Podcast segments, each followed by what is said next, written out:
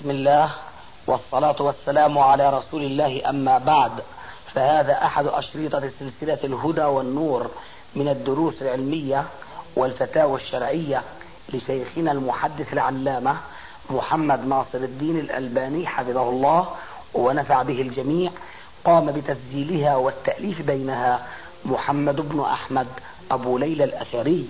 إخوة الإيمان والآن مع الشريط السابع بعد الثلاثمائة على واحد. تجد اللاعب منهم يصيح ويقول يا زهر يا حظ. الشطرنج؟ ليس فيه شيء من ذلك. كل ما فيه هو إعمال الفكر. فهو نوع من الرياضة الفكرية. فإذا كانت هذه الرياضة في بعض الأحيان وبالشروط التي ذكرناها آنفا فلا نرى منها مانعا. مع العلم بأن بعض العلماء كابن تيمية مثلا أو غيره يذهب إلى تحريمها آه، وهو يعلل التحريم بعلة معقولة. والفرق بين ما ذهب وأذهب هو أنه لا يجوز في اعتقادي إطلاق التحريم لشيء لا نص فيه إلا إذا ترتب منه ما يخالف النص. فهو يقول بأن الشيطان يصد عن ذكر الله. وهذا إذا تذكرنا بعض المباريات التي تجري اليوم وتذكر بعض تفاصيلها على صفحات الجرائد والمجلات لا شك أنها تصد عن ذكر الله. لأنه شيء مثل الخيال يعني يبقى اللعبة مش ساعة أيام. أيام إذا كانوا إيش؟ المتلاعبين أقران. بعضهم لبعض.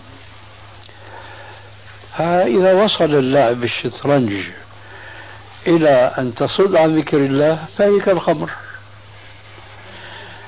إيه، لكن هذا ليس باللازم بالنسبة لكل لاعب. ولذلك فنحن نقول ما هو الأصل فيها. ونضع الشروط التي تبعد اللاعب بها عن أن يقع في مخالفة الأحكام الشرعية أو في مخالفة حكم الأحكام الشرعية. آه يا أبو ليلى.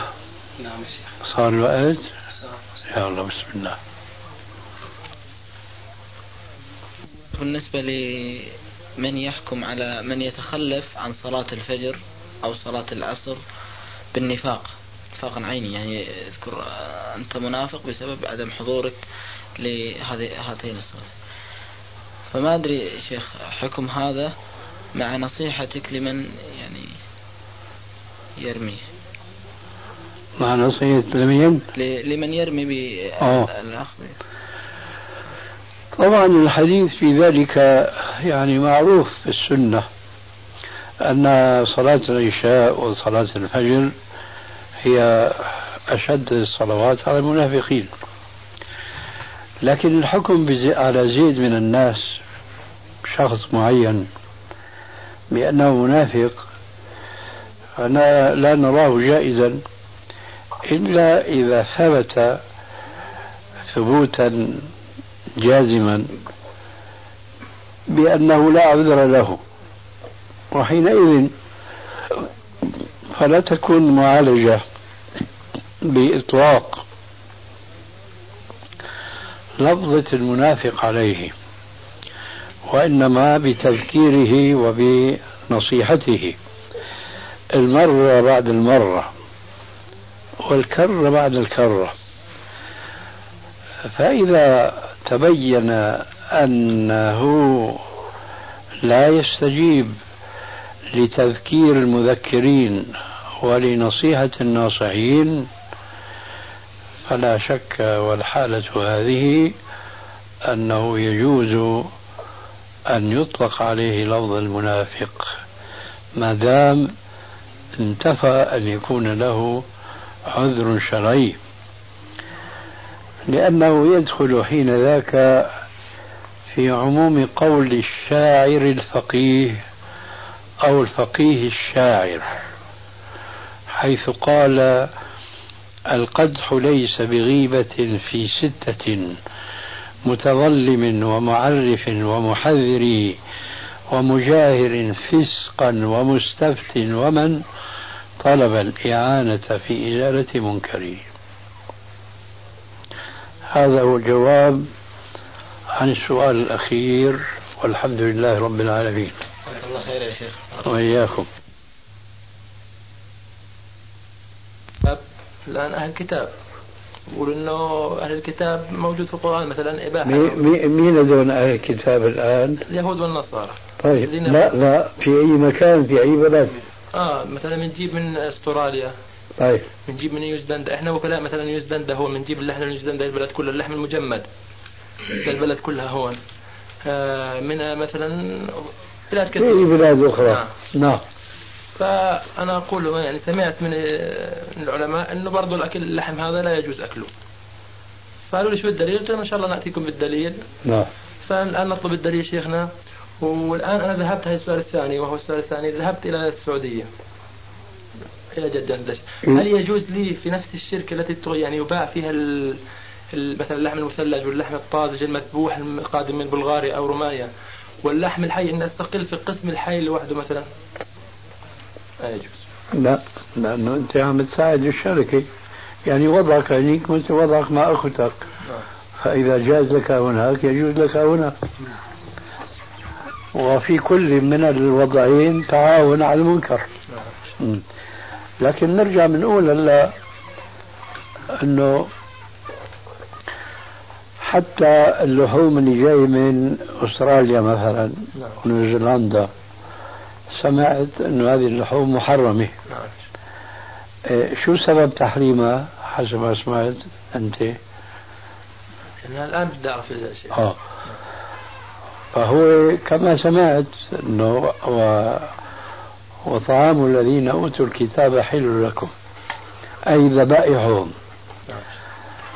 اللحوم التي تأتي من أستراليا أو من نيوزيلندا. إذا كانت تأتي قتيلة غير ذبيحة فما بيفيدنا شيء كونهم أهل كتاب. يعني اللحم البلغاري ما بيجي تحريمه من جهة إنه والله اللي عم يذبحوا الشيوعيين. بيجي من جهة إنه لا يذبح ذبح شرعي قبل كل شيء. لأنه كونهم شيوعيين بقى هذه مسألة تحتاج إلى بحث وتحرير ما فيها أما أستراليا مش معروف حتى الآن أنها شيوعية. نيوزيلندا أيضا كذلك. هذول أهل الكتاب.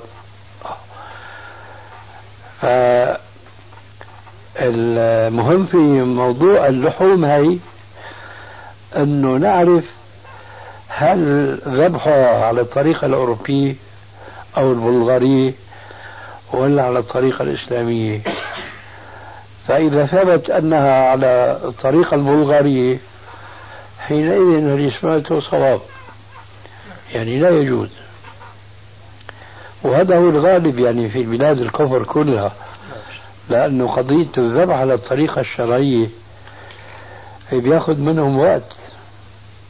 وهن الجماعة ماديين وكل هالابتكارات هذه منها التلفون هذا وغيره؟ هو مشان توفير الوقت. فهني ما بيسألوا بقى حرام وحلال. شايف؟ سمعت مثلا أنت مثل ما أنا سمعت إنه في اختراع وجد أو في طريق الوجود إنه تحكي بتشوف اللي عم تحكي معه. هذا اسلاميا ما بيجوز لأنه بيجوز تكون امرأة وحرام عليك إنك تشوفها. وهكذا. هنا ما سائلين الحرام والحلال. سائلين كل شيء بيجروا بالمادة بيوفر عليهم الوقت لأن الوقت هو سبب إيش؟ الكذب يعني مثل ما قالوا عنا بعض الصوفية وكان هذا من حكمتهم على خلاف عادتهم الوقت كالسيف إن لم تقطعه قطعك. الوقت كالسيف. فإذا ما قطعت أنت في طاعة الله وعبادته غلبك هو وقطعك هذا كلام في منتهى الحكمة. عرفوا هذه الحكمة الغربيون لكن حولوها إلى إيش؟ إلى مادة مو إلى عبادة. ولذلك فكل شيء بيعرقل عليهم وبضيع عليهم الوقت ما عندهم استعداد هن إنه يجاوبوا مع العالم الإسلامي ابدا. إلا من من طريق المخاتلة والمخادعة كما أنت قلت انفا.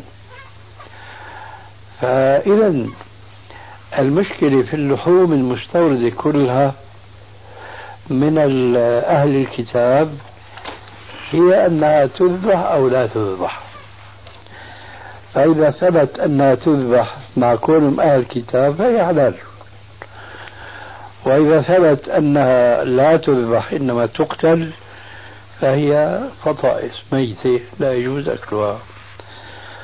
والغالب كما قلنا آنفا أنه هذول ما بيذبحوا لكن ممكن كل شيء يصير. إما مثلا هن ينتبهوا إلى أن الطريقة اللي هن ماشيين عليها ما هي طريقة صحية طبية. فيرجعوا عنها. مثل ما الآن عم تسمع من تحذير من المخدرات. حتى من الدخان. إيه، لكن هاي بقى بدها تثبت إنه صحيح انتبهوا. شيخنا في حادثه صارت بالنسبة لنيوزيلندا دول. يعني إحنا وكلاهم بالأغنام هول فكنا حابين نكون مثلا وكلاهم بالبقر. فطلبنا منهم بقر حي؟ لا المذبوح المجمد. يعني إحنا وكلاءهم هون كمان في البقر المجمد المذبوح. طيب. فطلبنا منهم نكون برضه وكلاءهم مثلا في اللحم البقر المجمد. المجمد. قالوا إذا بدكم البقر يعني تكونوا وكلاءنا لا يذبح على الطريقة الإسلامية. جميل. هذا كان من شروطهم فهل هذا يعني إنه يجوز مثلا يعني يعني يعتبر إنه يذبح على الطريقة الإسلامية هناك. ولا يجب يجب التثبت 100% بإرسال مثلا. يعني هل هذا دليل على إنه الأغنام تذبح على الطريقة الإسلامية؟ طيب بس هن عم يقولوا هيك؟ آه هم هكذا يقولون. قالوا عن البقر صراحة. نعم. قالوا عن الغنم أنها تذبح على الطريقة آه الإسلامية. على الطريقة الإسلامية نعم. طيب. لماذا إذا هؤلاء الذين صارحوكم بالنسبة لذبائح البقر؟ نعم. قالوا لا تذبح على الطريقة الإسلامية. وقلت لي إنهم قالوا إن الغنم يذبح على الطريقة الإسلامية. طيب. خطر بالي انفا لما قلت لي هن بجوز يهيئوا. إذا كان الذاهب إلى هناك عنده فطنة وعنده كياسة حيعرف إنه تزوير ولا حقيقة. فأنتم باستطاعتكم الآن إذا كان ولا بد من استيراد لحم الغنم الذبيح على حد قولهم. أه، هل بالإمكان أن تصفوا لنا المجزرة التي أنتم أه، تذبحون فيها الغنم على الطريقة الشرعية؟ أوه. في في ظني أنهم سوف لا يمتنعون إلا إذا كانوا كذبة صح؟ طيب. كتبوا لكم. بعد مدة بتروح أنت ومعك أحد أختك أو أصحابك. بعد أخذ الإذن منهم. أنه بدنا نزور المجزرة. في عندكم مانع؟ كمان المفروض إنه يقول لا ما في مانع. تهيئة المجزرة للتزوير ليس بالأمر الممكن وأنا بقول لك شيء شفته بعيني. في بريطانيا ليس في لندن وإنما في بعض البلاد تبعد عن بريطانيا قرابة 200 كيلومتر.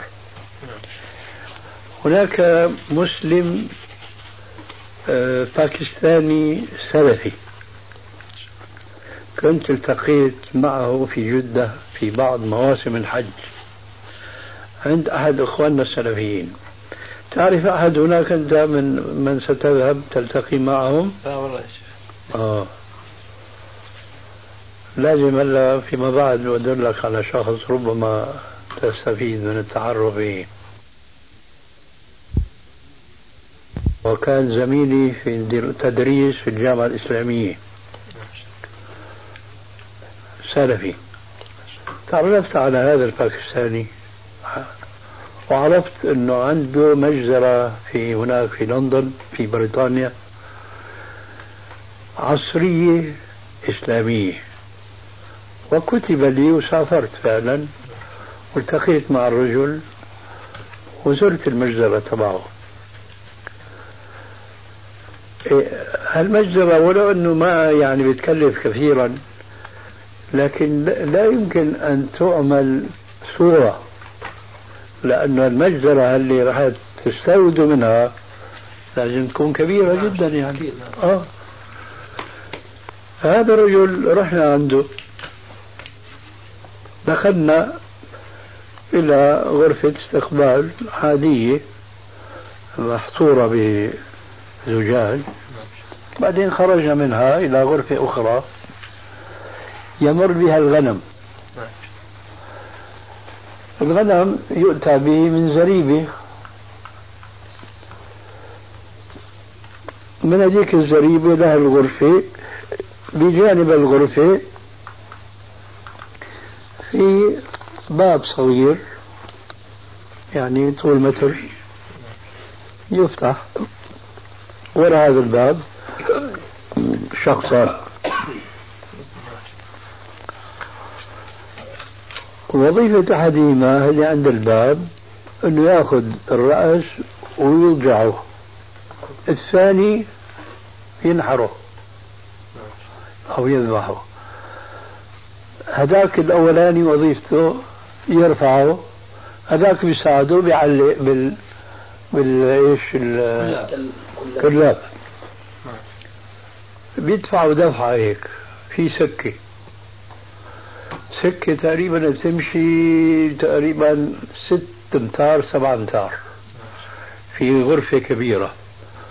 ثم بتلف هيك ورا جدار. السكة عم تمشي طبعا. مشينا نحن مع السكة وصلنا للشخص الثاني. كان استلم الذبيحة رأسا شق الجلد تبعه ونفخه وإيش؟ سلخه. سلخ. هاي وظيفته فقط سلخ. أخذ الجلد ورماه في برميل عنده. ودفعه دفعة لشخص ثالث بينه وبينه تقريبا ثلاث أمتار. الشخص الثالث وظيفته مضخة. ماء قوي جدا. نعم. آه، بشق البطن بيطالع المصارين ورميها في برميل ثم بيغسلها. ما بيبقى شيء إلا الوزن. بيدفع الدفعة الأخيرة بيروح على الميزان. في شخص هناك موكل قديش ميزان سجل. ودخلها غرفة شفنا التجار بيجوا إيش؟ بياخذوا فورا بيشتروا. هالعملية هاي؟ جعل الرجل لا شهرة في بريطانيا. صاروا الإنجليز أنفسهم يجوا يشتروا من عنده. لأنه اللي بيعرف النواحي الطبية بيعتقد أنه الذبيحة هي أصح من الذبائح تبعهم فالآن إذا جاء خبر من الشركة أنه نعم نحن ندفع على الطريقة الإسلامية. وطلبت منهم الوصف وبعثت لهم الوصف. طلبت منهم فيما بعد أنه روح تطلعوا هي لا يمكن بقى هون يعملوا إيش؟ تزوير. لأنك راح تطوف إيش؟ أنت ومن معك المجزرة كلها وأقسامها. كما فعلنا نحن بهالمجزرة البسيطة. قال هو صاحبنا أنه كل يوم بيذبح 700 راس. ما شاء الله. 700 راس. وما بيلحق يعني للزباين إيه هالمصنع هذا الضخم اللي أنتم بتستوردوا منه؟ طبعا في بلاد أخرى بتستورد. نعم شو بدكم؟ بدكم مدينة. نعم آه.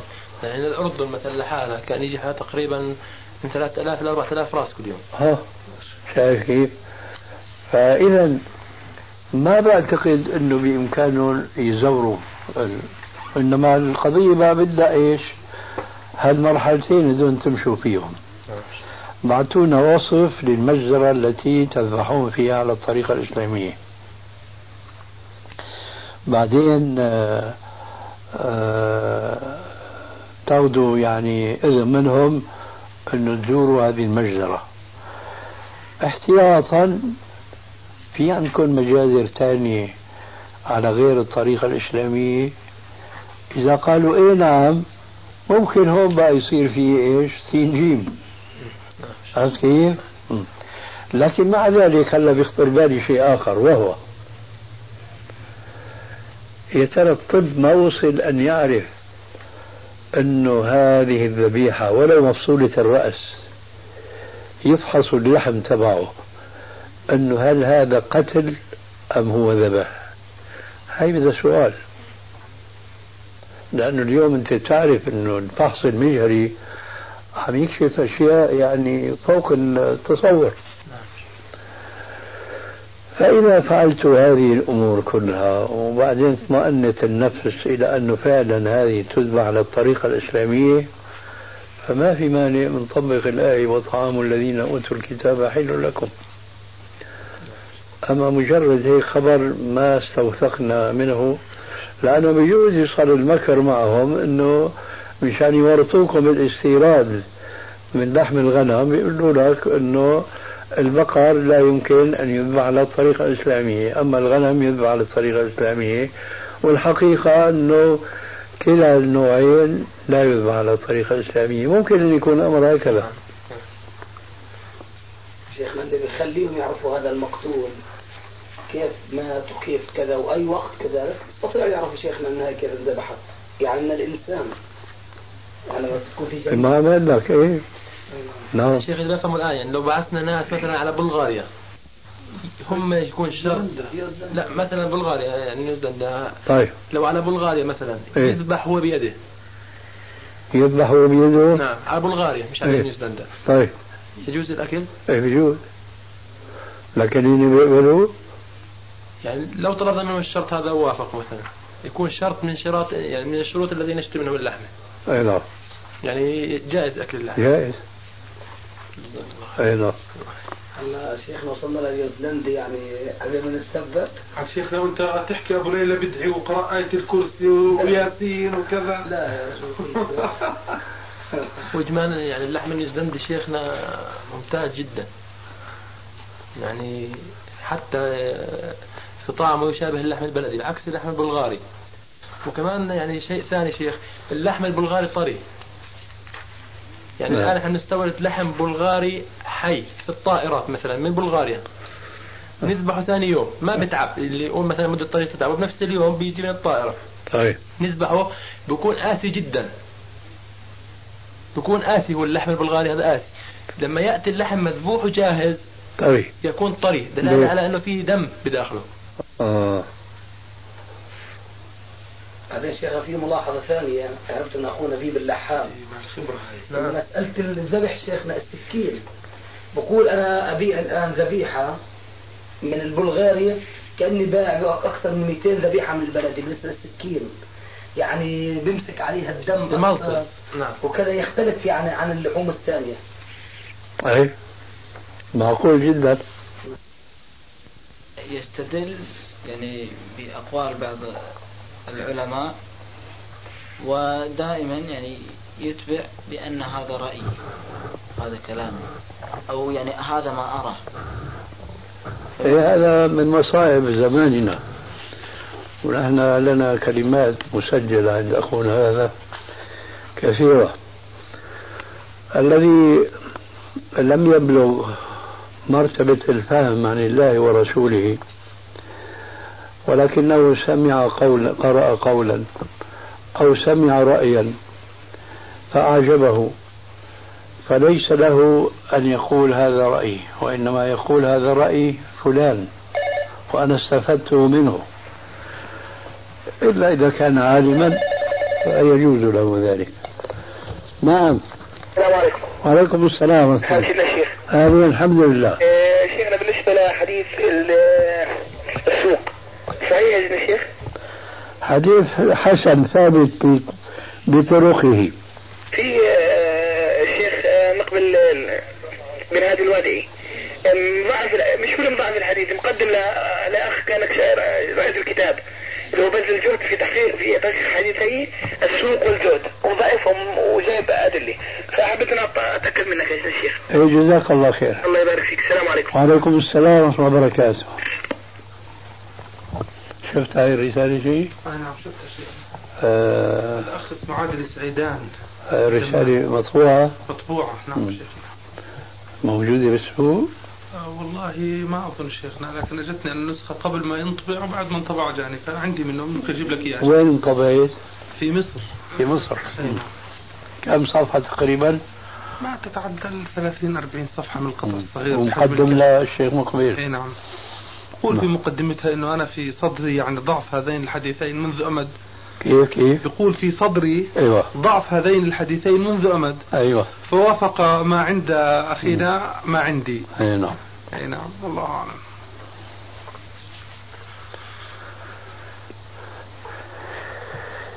طيب أعطيتك الجواب اذا؟ ولا في شيء بعد؟ آه، حاضر. نعم. طيب شيخ بالنسبة لقول الرسول صلى الله عليه وسلم لا أعرف الحديث بالضبط أنه بمعنى مزماران. كيف؟ مزماران مزماران. مزمار. عند رنة وعند مصيبة. نعم صوتان الأذان أو عند المسلم ما أدري هل ينطبق هذا الحديث بالنسبة ل آه، أحيانا مثل في الحرم آه، دعاء القنوت في الوتر في صلاة القيام وصلاة التراويح؟ دائما يعني يقرؤونها ويلحنون في آه، الدعاء فهل ينطبق هذا الحديث على هذا الدعاء؟ لا ليس من الضروري أن ينطبق هذا الحديث على هذا الأمر وحسبنا أنه أمر مستنكر شرعا أنه ليس من عمل السلف وليس من الضروري أن كل أمر حادث نصب عليه نفصل عليه حديث من الأحاديث الواردة عن الرسول عليه السلام. لأنه مقصود بالصوتين صوت نياحة وبكاء وصوت فرح مزمار الشيطان ونحو ذلك. فهذا طبعا لا يصدق على ما يفعلونه اليوم مع الأسف من هذا الدعاء الطويل العريض والتباكي فيه ونحو ذلك. بل هذا خلاف السنة.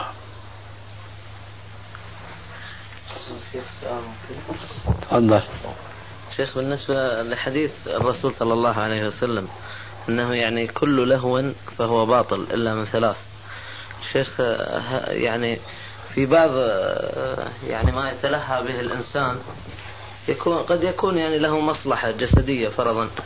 في مثلا لعب الكرة أو كذا من باب تنشيط الإنسان وإعانته على أمور الحق. فهل هذا مما يستثنى من الحديث؟ في حدود ما ذكرت يستثنى في حدود ما ذكرت يستثنى لكن آه، ما الذي تفهم من قولي باطل؟ شيخ آه، يعني آه، ذكر كثير يعني من العلماء أنه محرم قول الرسول صلى الله عليه وسلم باطل. ومنهم أذكر يعني ما الذي تفهم من قولي باطل شيخ يعني ذكر كثير يعني من العلماء أنه محرم قول الرسول صلى الله عليه وسلم باطل ومنهم أذكر يعني الخطابي وأذكر هذا كلام ابن القيم والله أعلم. لكن بقى إذا كنا بدنا نأخذ بقاعدة إنه مفاهيم المشايخ معتبرة فقولك كثير له مفهوم. ما هو المقابل الكثير؟ لا يعني أنا حينما قلت كثير آه. أقصد يعني اللي اللي قرأت عنهم كثير ما أعرف إذا كان في أحد مخالف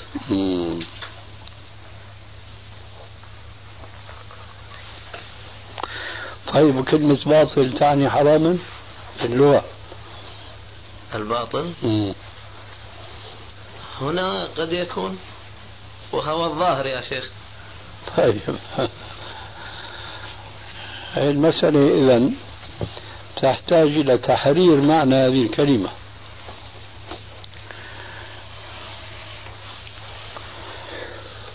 لأنه أنا لا أفهم أن كلمة باطل تعني حرام. أي لا يجوز أن نقول إذا جاز لنا رواية الحديث بالمعنى كل لهو يلهو به ابن آدم فهو حرام إلا الأشياء الثلاثة التي ذكرت أو الأربعة.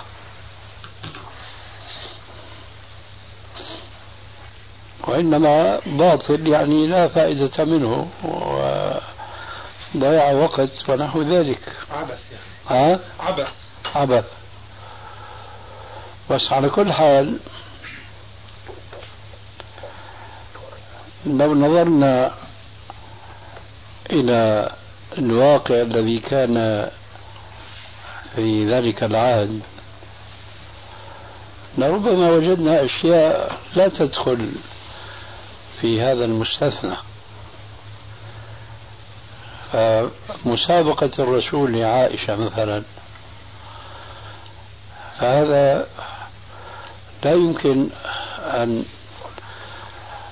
نلحقه بالكلية بل أن نلحقه بالأمور المستثنات في الحديث.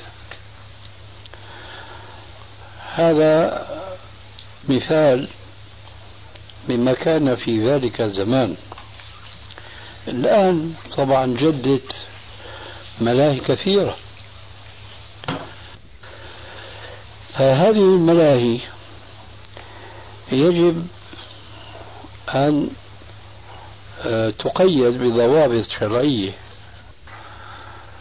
فهي هي بحكم المناط والعلة المفهومة. وأنت ذكرت مثالا كرة القدم مثلا. قلت أنا في حدود ما ذكرت ما نرى ذلك باطلا فضلا عن أن نراه محرما. لكن بشروط لا تخفى على أهل العلم التي منها مثلا أن يكون لباسهم شرعيا ولا يكون كاشفا للعورة كما هو شأن إذا ما قلنا كل اللاعبين فجل اللاعبين بهذه الكرة وبغيرها. كذلك ألا تكون توقيت المباريات في أوقات الصلوات بحيث قد يضيعون الصلاة من أصلها أو على الأقل يضيعون الصلاة مع الجماعة. فإذا ضبطت هذه الملاهي بالضوابط الشرعية فهي ليست ملاهي وإنما تكون مساعدة فعلا لتقوية بدن المسلم. كما قال بعض العلماء في تفسير قوله تعالى خلافا لظاهر الحديث وأعدوا له ما استطعتم من قوة ومن رباط الخيل ترهبون به عدو الله وعدوكم. قال عليه السلام كما في حديث عقبة بن عامر في صحيح مسلم ألا إن القوة الرمي ألا إن القوة الرمي. ألا إن القوة الرمي. فهذا الحديث قد يفهم منه بعضهم حصر القوة بالرمي. لكن حقيقة الذي يفهم يفهم من الأسلوب العربي وبخاصة إذا كانت القوة هنا منافية لعموم قوله تعالى ما استطعتم من قوة. فلا مجال لفهم الحديث إلا على الأسلوب العربي كمثل قول عليه السلام الحج عرفة. الحج عرفة إذا لم يفعل شيئا إلى الوقوف عرفة جمودا جهلا بالأسلوب العربي فلا حج له. ولكن قوله عليه السلام الحج عرفة يعني أنه أعظم ركن من أركان الحج هو الوقوف في عرفة. كذلك بالنسبة لذلك الزمان التي الذي كانت وسائل القتال فيه محدودة ما بين حربة وسهم وسيف فكانت الحراب هي القوة التي يعني تشل قوة العدو فقال عليه السلام من باب بيان أهمية الرمي ألا إن القوة الرمي ألا إن القوة الرمي ألا إن القوة الرمي. فإذا وجدت الآن بعض الألعاب أو الملاهي تقوي أبدان المسلمين فلا مانع من ذلك أبدا بل لعله يكون من الفروض الكفائية بالشروط الشرعية التي أشرت إلى بعضها على الأقل آنفا.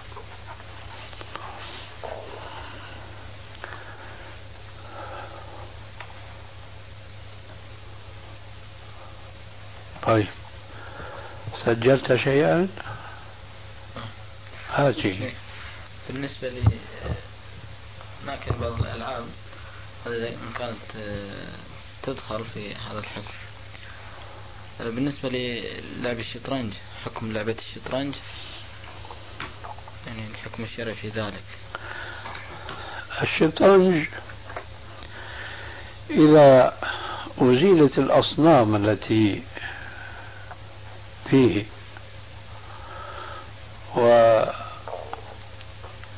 وقيد أيضا اللعب بالشطرنج بالقيود الشرعية فهي لا تلهي عن القيام بالواجبات سواء كانت واجبات دينية أو كانت واجبات آه، عائلية أو واجبات اجتماعية فهو جائز بخلاف النرد.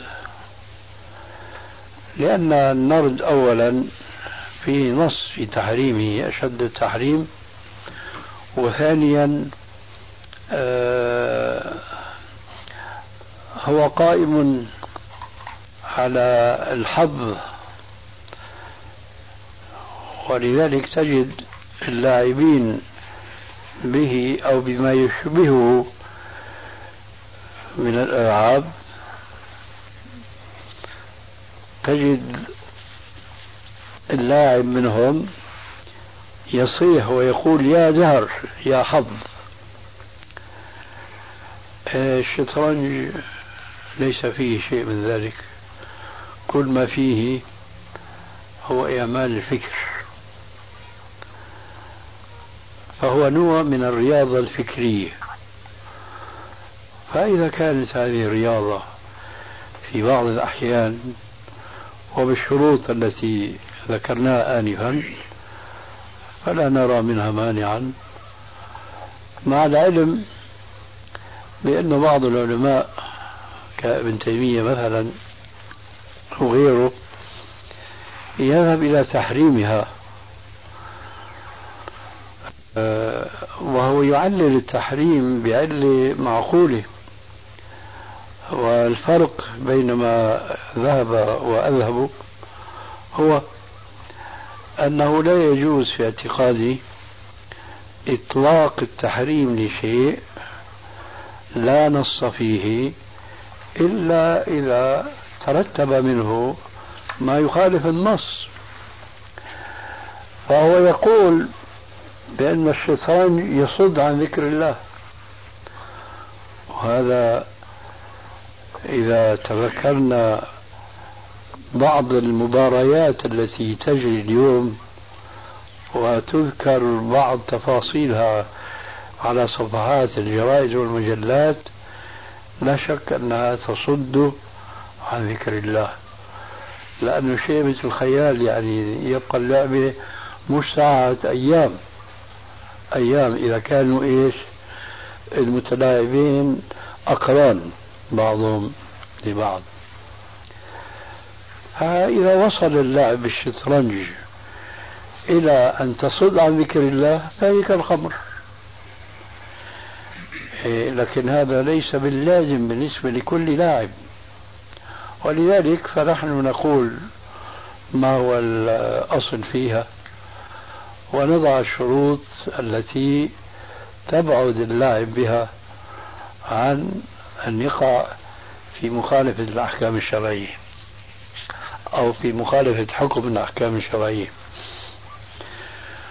آه يا أبو ليلى. نعم صار الوقت؟ يا الله بسم الله. بالنسبة لمن يحكم على من يتخلف عن صلاة الفجر أو صلاة العصر بالنفاق نفاقا عيني يعني أذكر أنت منافق بسبب عدم حضورك لهذه هاتين الصلاة فما أدري شيخ حكم هذا مع نصيحتك لمن يعني يرمي. مع نصيحة لمن لمن يرمي بالأخ طبعا الحديث في ذلك يعني معروف في السنة أن صلاة العشاء وصلاة الفجر هي أشد الصلوات على المنافقين. لكن الحكم على زيد من الناس شخص معين بأنه منافق أنا لا نراه جائزا إلا إذا ثبت ثبوتا جازما بأنه لا عذر له. وحينئذ فلا تكون معالجة بإطلاق لفظة المنافق عليه وإنما بتذكيره وبنصيحته. المرة بعد المرة والكرة بعد الكرة فإذا تبين أنه لا يستجيب لتذكير المذكرين ولنصيحة الناصحين فلا شك والحالة هذه أنه يجوز أن يطلق عليه لفظ المنافق ما دام انتفى أن يكون له عذر شرعي. لأنه يدخل حين ذاك في عموم قول الشاعر الفقيه أو الفقيه الشاعر حيث قال القدح ليس بغيبة في ستة متظلم ومعرف ومحذر ومجاهر فسقا ومستفت ومن طلب الإعانة في إزالة منكره. هذا هو الجواب عن السؤال الأخير والحمد لله رب العالمين. الله خير يا شيخ. وإياكم. كيف حالكم؟ الحمد لله بخير. كيف أنت؟ الحمد لله رب العالمين. مساك بخير؟ إن شاء الله بخير والحمد لله. الحمد لله. آه، في مجال إن شاء الله. تفضل. زاد الله فضلك. آه، ما تحقيق الحديث أو ما به من فاته شيء من الدنيا وتحسر عليه اقترب من النار مسيرة سنة. ومن فاته شيء من الآخرة وتحسر عليه اقترب من الجنة مسيرة سنة لا أعرفه في بقول لك آه، زوجة لا تستطيع يعني ثبت عليها كفارة لكن لا تستطيع آه، إطعام مساكين لكن هي قادرة على الصوم. قال هل يجوز لزوجها آه، أن يطعم عنها إطعام؟ أي نعم يجوز. ماله طبعا. أيوة من ماله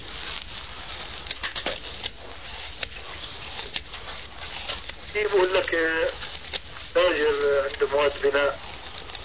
معروفة يعني جنب البناء أيوة. هل يخرج الزكاة على البضاعة على هاي الأموال اللي هي؟ طبعا ما انباعت بس معروضة للبيع كل سنة أو كل يعني حول. ما في زكاة على عروض التجارة مقننة وإنما يخرج ما تطيب به نفسه أيوة. بدون تهديد ولا انتظار حولان الحول. نعم.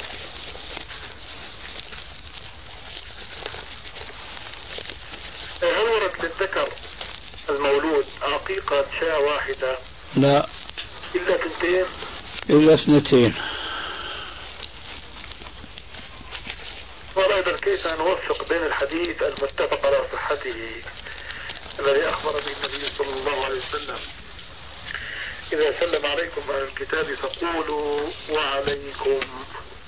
وبين ما ذكرت لي سابقا من سنين يمكن أو سنة أكثر إذا لفظ الكتاب بلفظ السلام عليكم نقول له كما يقول يعني ونرد عليه بالسنة يعني. نعم. كيف هنا بين ذلك. الرد بملاحظة التعديل الشرعي لهذا الأمر. فقولوا عليكم قال عليه السلام فإنما يقول أحدهم السلام عليكم. فإنما يقول أحدهم السلام عليكم. إيه فإذا كان سلامهم فصيحا بينا فهذا التعليل حينئذ لا يشمله فالحكم ينصرف عنه. يرحمك الله. واضح؟ واضح جدا. طيب. هل عندكم مناسبة لهذه الآية؟ ولا تقولوا لمن ألقى إليكم السلام لست مؤمنا؟ إلى آخر الآية. مذكور في كتب التفسير مناسبة. أيوه. يحتاج إلى مراجعة. آه. أي نعم مش مناسبتها لمن يقول إن من النصارى. السلام عليكم. لا. هذه. لا. طيب. يقول في رجل خدع آه، بأن واحد مزح معه ووضع في شرابه شيء من الخمر قليل. لكن كان متوضئ يعيد وضوءه ولا لا؟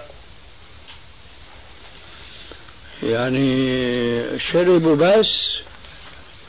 يعني شرب شراب نعم واحترق فيه قليل من الخمر. معليش بقول يعني ما صابه شيء من. لم لم يختل به شيء. لا, لا بس بمضمض فمه بس. فقط. أي نعم. في مرة أنت بينت لنا أنه حديث ضعيف بالنسبة أن الله وملائكته لا يصلون على ميامن الصفوف. أي نعم. لكن ليش بتفضل لو دخل المسجد؟ أي منطقة شق من المسجد؟ نقف في اليمين أم في اليمين؟ أو أي مكان طيب؟ لأنه أولا في عنا المبدأ. استحباب اليمين أيوة. وثانيا إذا كان هناك شخص يصلي فجاء رجل واحد فهل يقف عن يمينه أم عن يساره؟ عن يميني طيب ليش عن يمينه؟ أولا بالنسبة لها الصورة أي اقتداء الفرد هذا في عليه نص. نعم. وثانيا القاعدة التي ذكرتها لك وثالثا إذا ما اتبعنا اليمين كأصل راح يصير يعني اختلال في تنظيم الصفوف. فما في حاجة أنه نحن نعطل الميمنة آه، من أجل إيش؟ أنه هذا الحديث ضعيف ما صح. لأن المبادئ العامة وهذا الحديث الخاص اللي ذكرت لك إياه كافي لإثبات فضيلة اليمين أو البدء باليمين. واضح؟ واضح إن شاء الله. طيب في شيء غيره؟ آه في امرأة بتقول إنها كانت يعني غير طاهرة كان كانت بحيض أو جنابة أو ما شابه ذلك. ووضعت لزة على ظهرها تقول أنت تغتسل غسل حتى تطهر. قيمها تغتسل بعدين تحطها اللزة ولا خلاص وهي محطوطة تغتسل بدون ما تمسها. إذا كان رفع اللزقة في حرج عليها ما ترفعها. وإن كان ما في حرج ترفع مشان يعم ال- الماء جميع البدن أيوه طيب آخر نقطة في بالنسبة للمرأة إحنا ما سألناك السؤال ترى في الاحتلام في أشياء يعني أو مجامعة وما شابه ذلك وطبعا اللي بيصير إنه قلت لي هي ترى يعني أو تحس بهذا الشيء لكن لا تتنبه. طيب. آه، بس بسأل ليش لا تتنبه؟ يعني ما بت- بتشعر في هذا الشيء. ما بتنتبه يعني إنه خرج منها ماء ولا لا؟ آه هذا المقصود يعني. إيه. مش يعني انتباه إنه مين جامعت أو ما كذا لا. أما هي تشعر عادي كما يشعر الرجل. ترى يعني. إيه نعم. لكن مهم ان ترى الماء. آه ممكن ت- تنتبهش للماء إيه نعم. أما إذا وجدته طبعا لا تغتسل. خلاص نعم. وإذا ما وجدته؟ ما وجب الغسل. بل في نقطة في ناس بحثوها بالفقه قال إذا كانت نايمة على ظهرها والنوم على الظهر قال ممكن يطلع ورد ينزل. فقال بوجب الغسل صحيح هذا الشيء؟ ممكن يطلع الماء وإيش؟ ورد يرجع مرة ثانية كونها مستلقية على الظهر مش على الجنب أو على البطن. لا. لا ما في هيك شيء لا في العلم الشرعي ولا في العلم الطبي فيما علمنا المهم إذا حاولت الماء يعني على إيه بس هيك. جزاكم الله. وإياك. السلام عليكم. وعليكم السلام ورحمة الله وبركاته. قرأت الرسالة؟ آه أي رسالة؟ معها رسالة مع الكتاب. آه قرأتها لابد لكن ذكرني. آه ذكرت قضية إنه الشباب عندنا يغترون بمجرد ظهور أي كتاب. أي نعم قرأتها وكتبت أشرت إليها في مقدمة مختصر مسلم حيث نحن في صدد إعادة طبعته. فأشرت إلى هذا الذي جاء في كتابك في هذه المقدمة ونصحت الشباب كلهم سواء الذين يكتبون أو الذين يقرؤون ألا يتورطوا وألا يستعجلوا. فجزاك الله خير. الله. طيب في قضية نعم. ثالث ألا وهي أنه تكلم بعض الشباب عن قضية أن الشيخ الألباني أحيانا يصحح أحاديث ولا يعمل بها كحديث صلاة التسابيح. نعم. أن الألباني رغم أنه صحح الحديث ولكن لا يعمل به ربما لا يعمل به ولذلك وما ذلك إلا احتمال أنه في شيء شيء في نفسه. فما رأيكم حول هذه القضية؟ هذه القضية ألحقها بتلك. أولا ما الذي دراهم أنه لا يعمل؟ ها؟ دراهم عقولهم. لا لو قلت أهواؤهم أصبت. وليس عقولهم لأن العاقل لا يرجم بالغيب. وفي الحديث أن الرسول قال لعمي العباس ولو في العمر مرة فما الذي دراهم أنه أنا ما فعلت في عمري؟ وقد بلغت السابع السادسة والسبعين. هذا من ضلال الشباب اليوم ومن رجمهم بالغيب. هذا أولا. وثانيا هل هناك إنسان على وجه الأرض لو كان هو أعبد البشر تدري من هو أعبد البشر؟ بعد محمد عليه السلام. هو قال عليه السلام في الحديث الصحيح كان داود أعبد البشر. لو كان داود عليه السلام لا يستطيع أن يأتي بكل عبادة مشروعة ومستحبة فهمتني؟ ألو.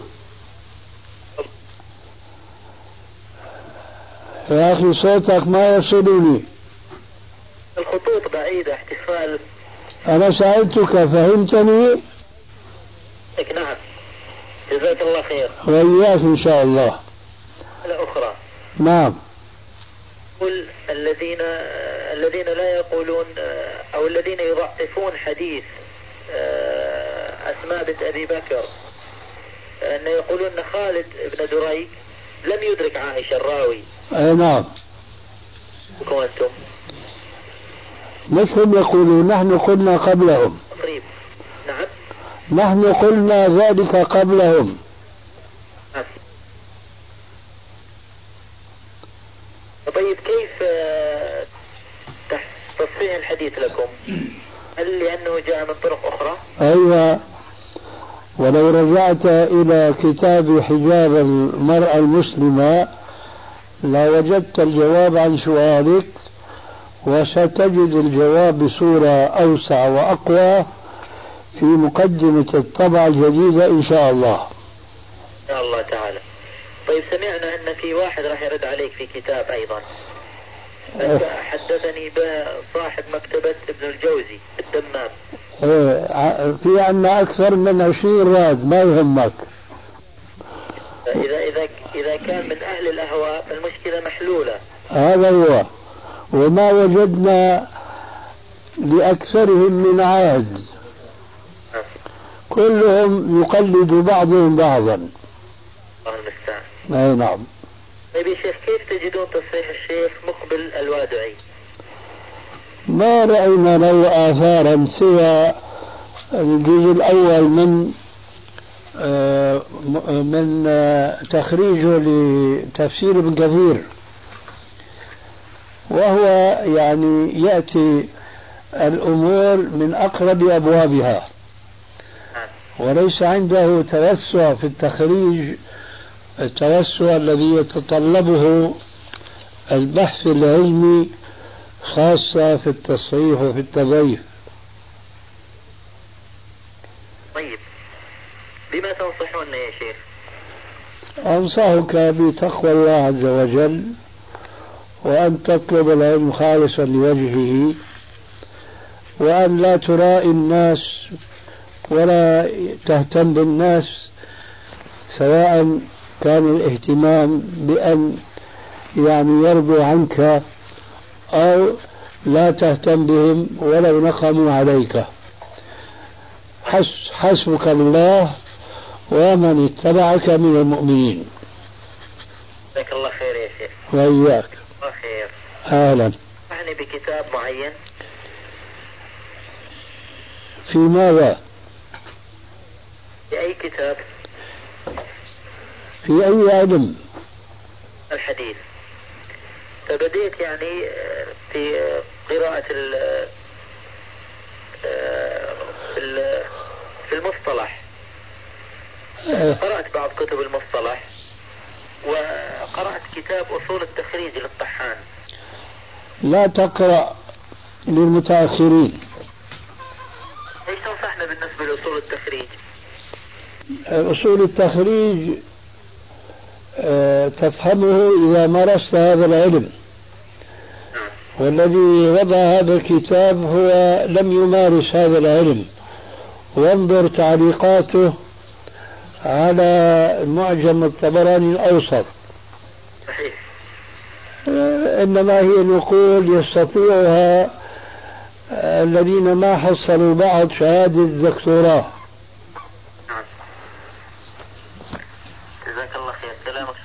وإياك. العلماء المت... المتقدمين ألفوا في أصول التخريج لا. ما أحد فيهم ألف. لا. طيب خير إن شاء الله. جزاك الله خير يا شيخ. وإياك يا أخي. السلام عليكم. وعليكم السلام ورحمة الله وبركاته.